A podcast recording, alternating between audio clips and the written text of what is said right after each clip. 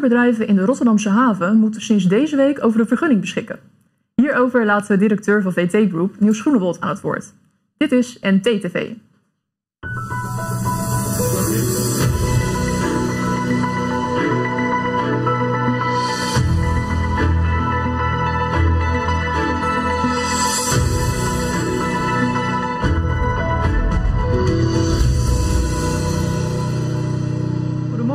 En welkom bij NTTV.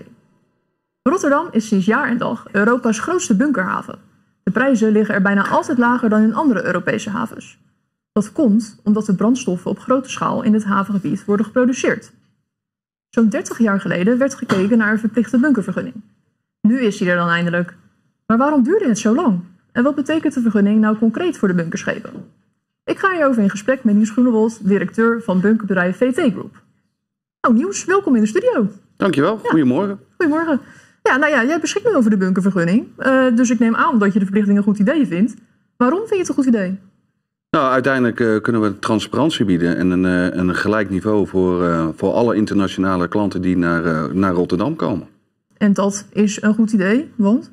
Nou, dit is, het is een kwaliteit. Dus de internationale klanten kunnen nu zien met wat voor partijen ze in dienst gaan. En waar de overheid, of in ieder geval het havenbedrijf, achter staat. En wat ook gecontroleerd wordt. Ja, precies. Dus het is een soort kwaliteitsgarantie. Het is, een, het, is een, het, het is een begin van een kwaliteitsgarantie die nog wel verder uitgerold moet worden. Dat klopt. Ja, want kan je nu inderdaad zeggen van hè, het is nu een garantie, er is kwaliteit, punt. Ik denk dat de internationale klanten in, in geval van een dispuut of in geval van kwaliteit of kwantiteit altijd terug kunnen vallen op de, op de keuze en uh, mensen ook aansprakelijk kunnen stellen. Ja, precies. En want voor welke brandstoffen geldt die vergunning nou precies? Eigenlijk alle brandstoffen die in de Rotterdamse haven geleverd worden. En dat zijn, want ik las inderdaad uh, diesel. Gasolie, LNG was al. Uh, LNG liep daar al een beetje op vooruit. En uh, de stookolie, gasolie inderdaad. Um, en dan de verschillende gradaties daarin. Ja, precies. Want je zegt net in het zelf dus al, LNG, die had dat al. Ja. waarom is dat daar wel gelijk in het begin ingevoerd? Nou, LNG is natuurlijk een, vrij nieuwe brandstof. Althans, de brandstof op zich is niet nieuw, maar zijn de bunkering wel. Dus daar moesten nieuwe regels voor gemaakt worden.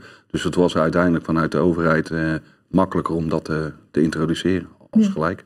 Ja, precies. Dus daar was het toen voor gekozen van, goh, hè, we doen dat gelijk in één keer. Hup, ook die vergunning erbij. Ja, en Ja. Dan, dan heb je eigenlijk ook al een voorbeeld om voor de rest van de markt uit te rollen. Ja, want ik begreep dat in die vergunning, daar staan nu ook eh, stoffen aangewezen die niet eh, in de bunkering, hè, dat die niet erin mogen zitten. Dat, Dat klopt, hè? Dat klopt. En hoe zit het dan qua hoeveelheid? Ehm, wordt daar dan nog op gecontroleerd? En, want hoe weet ik nou hoeveel erin zit? Nou, uiteindelijk moeten wij natuurlijk eh, bij de laadlocaties natuurlijk opgeven wat we gaan laden. Dat moet natuurlijk gecontroleerd worden. Dat kan met eh, lokale cv-bedrijven. Eh, dat kan natuurlijk ook zonder lokale cv-bedrijf, maar dan moet de kapitein aan boord, die moet het gaan opgeven. En daadwerkelijk moeten we ook gaan uitlossen en opgeven wat we daadwerkelijk gaan uitlossen. En dat, dat stukje kan gegarandeerd worden naar de klanten die Rotterdam aangenomen. Precies, dus nu kun je echt zeggen van, er zit precies die hoeveelheid in hè, die een klant besteld heeft. Ja, en, en daar zit zelfs nog een verschillende gradatie in. Hè. Dus het kan alleen puur op tankinhoud. Maar we kunnen ook dadelijk overstappen naar eh massflowmeters. Dus dan krijg je een meer eh, gecontroleerde. En dan is het ook meer gecertificeerd. En daardoor krijg je dus een, een, een hogere gradatie in je bunkervergunning. Ja, want die mesflowmeter, ehm, die is nog niet verplicht gesteld. Waarom is die nog niet verplicht gesteld? Ik denk dat het uiteindelijk de, de, de keus moet zijn van de internationale klanten eh, waar zij de voorkeur aan hebben. Ehm, het havenbedrijf heeft daarvoor gekozen om die keus vrij te laten aan de markt. Dus uiteindelijk als je, als je pure transparantie wil geven en uiteindelijk eh, wil aantonen dat je, dat je daadwerkelijk uitlevert met een garantie vanuit, eh, vanuit het NMI vandaan. Ja, dan zal eh, een bunkeraar gaan kiezen voor een massflowmeter. Ja, dus eigenlijk zeg je, hij is niet verplicht. Maar klanten zouden nu sowieso al eerder kiezen voor een mesflowmeter als die aanwezig is bij een bedrijf. Ja, die, die, die, die keuze is vrij voor de, voor, voor de klant zelf. En ik denk dat het ook goed is dat die vrijheid er ook is. Dat klanten zelf kunnen kiezen met welke eh, vervoersbedrijven hun eh, in, eh, in zee willen gaan. Dus jij ziet een verplichting voor de mesflowmeter dan niet zitten. De, ik, denk, ik denk dat die uiteindelijk vanzelf wel komt. Ik denk dat daar de markt zichzelf wel eh, differentieert in, in wat ze nodig hebben. En dat is puur een keuze vanuit de klant vandaan. Want waarom is er dan een soort verschil gemaakt met de bunkervergunning die dan dus wel verplicht wordt gesteld? En waarom is er dan wat soepeler beleid wat betreft die mesflowmeter? Nou, een mesflowmeter is een behoorlijke investering. Ik denk je gemiddeld praat tussen de 100 en 150.000 euro. Uh, daar zitten ook nog bepaalde leeftijden aan vast. Uh, dus je kan niet in één keer zeggen van nou, dat wordt ook verplicht gesteld. Ik denk dat, dat uh, het havenbedrijf daar een goede keuze in heeft gemaakt samen met de stakeholders. Om uiteindelijk te zeggen van nou die keuze is vrij. En gedurende de periode dat men zelf de keuze kan maken. Zowel de klant als zijnde de vervoerder. Oké, want wat wordt het dan ook niet een beetje te vrijblijvend? Want zo'n mesflowmeter is natuurlijk ook voordelig voor kwaliteit, uh, voor betrouwbaarheid. Is het dan niet, ja, is dat niet te vrijblijvend? Nee, ik denk dat dat nog een beetje te vroeg is om te zeggen. Je gaf zelfs net al aan in je introductie dat er 30 jaar lang is over gesproken. Nou, we zijn nu net zelf uh, zijn we dan begonnen uh, sinds uh, 1 februari. de markt moet daar nog aan wennen. Het was heel lang gedurende naar 1 februari toe de onduidelijkheid wat er, wat er precies van ons verwacht werd. Nou, dat is inmiddels duidelijk. Want wat was er onduidelijk? Nou, de, de regelgeving, de, de invoering ervan, dus, dus alles, het hele plaatje eromheen was, uh, was eigenlijk nog wel een beetje onduidelijk. Uh, we wisten wel welke kant het op zou gaan. We wisten ook wel in welke gradaties uh, het zou gaan plaatsvinden. Maar het is natuurlijk wel een, een keus voor de vervoerder om uiteindelijk te zeggen, gaan we die investeringen dan wel doen of niet doen. Hè? Dat is gemiddeld per schip ongeveer tussen de 100 en 150.000 euro. Nou, als je een aantal schepen rond hebt varen, ja, dan loopt dat al gauw, al gauw in de miljoenen. Ja, snap ik. En, en concreet, ja. zeg maar, qua wat er dan in het begin niet duidelijk was, om er toch even op in te haken, uh, heeft het dan ook te maken met een aanvraagformulier? Zeg maar, was dat onduidelijk of was het meer... Uh, onduidelijk uh, wat er praktisch zou gaan gebeuren? Even nou, de, de, de aanvraagformulier om het daadwerkelijk aan te vragen, dat heeft uh, een behoorlijke tijd op zich laten wachten. Dus iedereen kon eigenlijk pas uh, op het laatste moment de vergunning aan, aanvragen. Nou, dat is gelukkig bij, bij de meesten is dat allemaal goed gegaan. De, het invullen daarvan, um, ja, dat verdient wel een schoonheidsprijs dat dat toch redelijk makkelijk aan te vragen en ook gehonoreerd werd door, door het havenbedrijf. Dus ja, daar zijn we wel tevreden mee. Ja. Ja, ja. En, en want uh, voorheen werd er dan dus uh, ja, gesjoemeld met uh, ja, brandstoffen. nou ja, hoe, hoe, ging dat dan in de praktijk? ik neem aan dat VT Groep dat niet doet, dat, dat sjoemelen. Nee, nee, hoe, ging nee. dat, hoe ging dit in de praktijk? Nou, je hebt natuurlijk altijd een verschil. De, de chief engineers die naar beneden komen, ja. die meten natuurlijk op een bepaalde manier het schip. je hebt natuurlijk ehm, uh, samples die genomen worden die, die uh, andere uitslagen hebben dan bijvoorbeeld van het sample vanuit de walinstallatie vandaan. Dus daar kunnen verschillen uit voortkomen. Um, dus al met al uh, is het interpretatie van uiteindelijk cijfers die uiteindelijk een verschil kunnen opleveren. Um, en middels de bunkervergunning zou dat allemaal transparanter moeten, dus ook betrouwbaarder.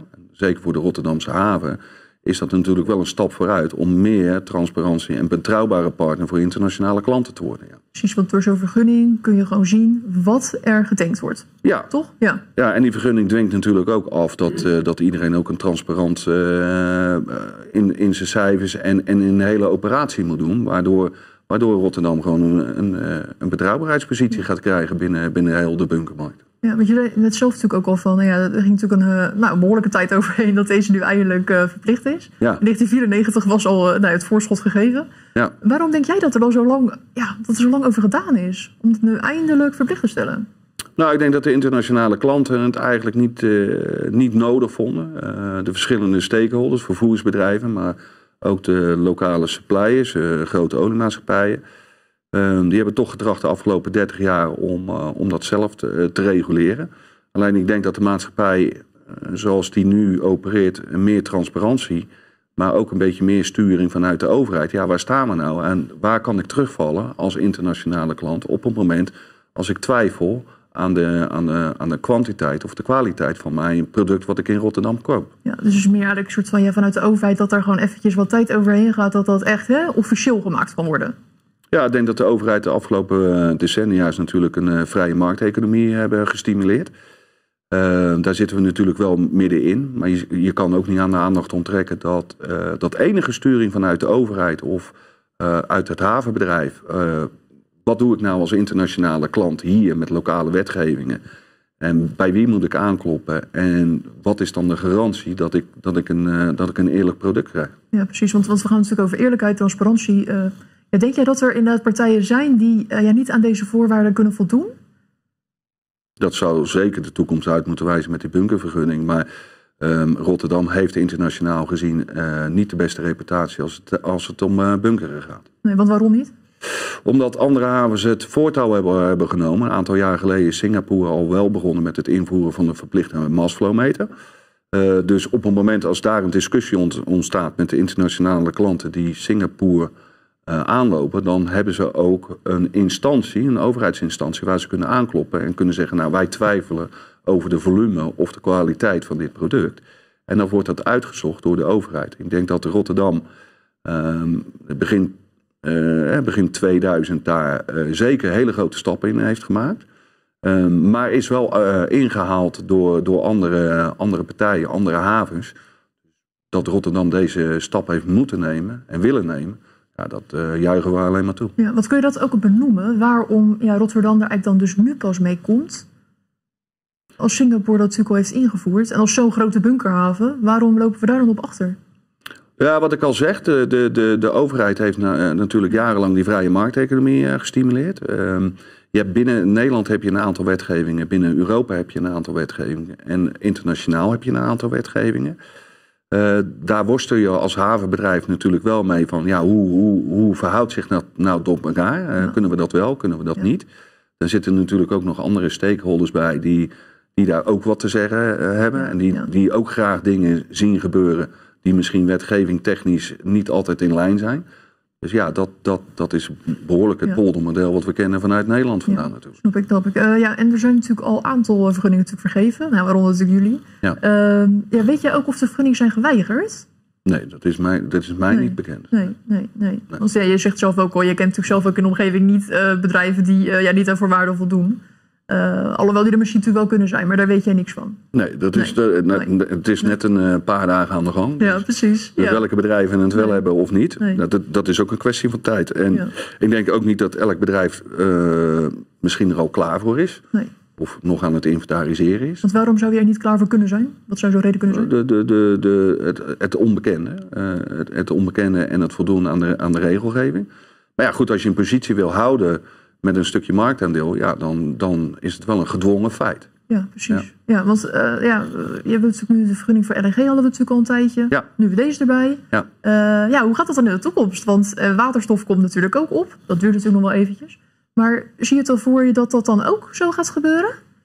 Dus dat we dan een vergunning voor waterstof krijgen en voor nog meer alternatieve brandstoffen. Is dat dan, ja, hoe ver is dat wenselijk? Dat we dan allemaal nou, ik denk dat het wel wenselijk is. Ik denk dat de ene klant die op uh, stookolie vaart natuurlijk net zoveel rechten heeft als een klant die op LNG.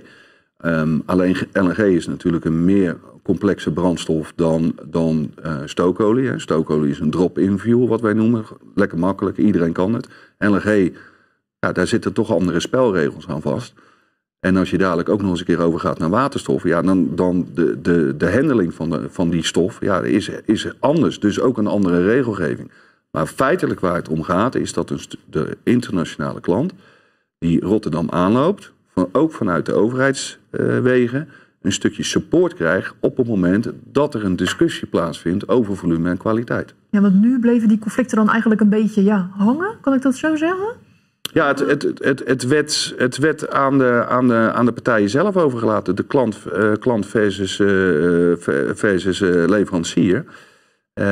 en ja, de overheid had daar niet echt een, een bepalende rol in. Behoudens als, als de aangifte werd gedaan en dat men dan ging onderzoeken. En dat de klant daadwerkelijk, de scheepseigenaren, daadwerkelijk op de strepen gingen staan. Want wanneer werd er dan wel aangifte gedaan? Want dat is dan al wel gelijk nou ja, een behoorlijke stap. Ja dat, dat, ja, dat is altijd een moeilijk. Dat is natuurlijk aan, uh, aan iedereen, uh, aan zichzelf om, de, om dat te besluiten. Je probeert het natuurlijk altijd in, uh, in redelijkheid en billijkheid op te lossen van wat is acceptabel niet en, en waar zit het nou. En dat probeer je natuurlijk probeer je op te lossen. Ja. ja, wat heb je zelf zoiets al meegemaakt in het verleden? Kan... Nou, ik denk dat wij ook regelmatig wel meemaken dat de chief engineer naar beneden komt en die zegt van joh, we hebben het te weinig gehad. Zelfs ook wel dat we, dat we te veel hebben geleverd. Nou, dan moet je wel gaan uitzoeken uh, aan hun kant, maar ook aan onze kant, is dat nou ook daadwerkelijk gebeurd? daar komen eerst de controlerende instanties bij. Hè, ehm, Gewoon commerciële bedrijven. En als je daar niet uitkomt, ja, dan kun je altijd nog de zeehavenpolitie inschakelen. En dan wordt er vervolgens de overheid bij betrokken. En is dat, ja, in hoeverre is dat, ja, levert dat een hoop gedoe op? Die claims kunnen wel tot een jaar of twee jaar gaan duren. Maar wat gebeurt er dan? Nou, uiteindelijk, uiteindelijk wordt het proces vastgelegd. Hè? Dus uh, van, uh, de, de ene zegt van, joh, ik kom bij wijze van spreken 20 ton tekort. En de andere zegt, nee, ik heb toch geleverd. Dus de cijfermateriaal wordt vastgelegd. Die zeeboot gaat toch weg, want die moet toch, hè, die, die, die, moet ook uh, gewoon weer centjes verdienen. Ja, en die discussie blijft lopen. Maar hoe verder je in de discussie komt, des te moeilijker het echt daadwerkelijk is achterhalen. Als zo'n claim een jaar of twee jaar gaat duren, ja, dan is, is zo'n klant misschien al wel weer tien keer in de Rotterdamse haven geweest. En heeft ook alweer tien keer gebunkerd. Dus ja, dat, dat is moeilijk te achterhalen. En daarvoor zijn die discussies ook, ook behoorlijk moeilijk. Ja, en daarom is het nu fijn dat die bunkervergunning er is. Want die zal een soort overkoepelend iets vormen. Uh, ja, waardoor het meer gereguleerd wordt, waardoor het makkelijker aangegeven kan worden. In het geval van een claim heeft een, heeft een internationale klant uh, toegang tot, uh, tot, tot de overheid makkelijker op een makkelijke manier. En aan de voorkant worden wij natuurlijk wel op die manier geaudit. Eh, om te zien of onze processen en procedures nog steeds kloppen. En op een, op een regelmatige basis, dat zal de vervolgstap ook wel zijn, om te controleren of we daar nog aan voldoen. Om in ieder geval dat soort problemen naar de toekomst wel zo min mogelijk uh, te laten voorkomen. Ja, want daar wordt nu nog niet op gecontroleerd dan? Nee, daar wordt nu nog niet op gecontroleerd. Nee. En dat, daar is ook nog niks over bekend in hoeverre, ja, wanneer dat gaat gebeuren? Nou, middels die bunkervergunning heeft, heeft de, eh, de, eh, het havenbedrijf daar een tool in handen om, te zien, om, om te zeggen van laat dat maar eens zien. Ja. je moet aan bepaalde vergunningscriteria voldoen. Dus laat dan maar zien dat je procedures ook, uh, ook in orde zijn. en, en, dat jij de en goed blijven. Ja. En ook meegaat met de veranderingen die vanuit de overheidswegen worden gesteld. Ja, heel helder eigenlijk. Uh, ja. Ja. Ja, ja, ja, tot slot, ja, in de Rotterdamse haven is het dus nu goed geregeld, kunnen we zeggen. Uh, in hoeverre komen er dan nu ook meer bedrijven bunkeren? Nou, dat is een goede vraag. Uh, uh, dat, dat zal uh, de internationale markt, die zal dat uh, natuurlijk langzaam moeten adapteren. dat, er, dat er inderdaad meer transparantie wordt geboden middels een vergunningstelsel. En dat het ook meer controleerbaar is. Dus dat die hele negatieve imago die Rotterdam heeft als, als bunkerhaven ondanks we toch een van de grootste zijn, eh, of de grootste zijn van Europa, maar wel eh, bij de grootste ter wereld horen, dat die naam alweer wordt gezuiverd. En daar zal een aantal jaren overheen gaan voordat men uh, weer naar Rotterdam komt. Kijk, de prijs is één, maar dan, dan, moet je ook daadwerkelijk krijgen. En ook de kwaliteit die, uh, die, die je natuurlijk verwacht. Ja. En middels die punkenvergunning, ja, daar zal er moeten uitkomen dat, uh, dat we met z'n allen weer een, eh, een, stukje betrouwbaar en liefde zijn. Ja, precies. Dus nou ja, jullie hebben de vergunning op zak. Dus vierde wordt in ieder geval goed jaar als het dan uh, als ik ja. begrijp. ja, ja verplicht hè. dus, okay, uh, dus, we moeten het wel blijven doen. Ja, nee, dat zeker. Nou ja, uh, ja Niels, Niels Schoenewold, directeur VT Groep. heel erg bedankt voor de komst in de studio. Graag gedaan. Nou, ja, dit was NTTV voor deze week. Ehm, ja, over twee weken zijn we er weer. Bedankt voor het kijken en graag tot dan.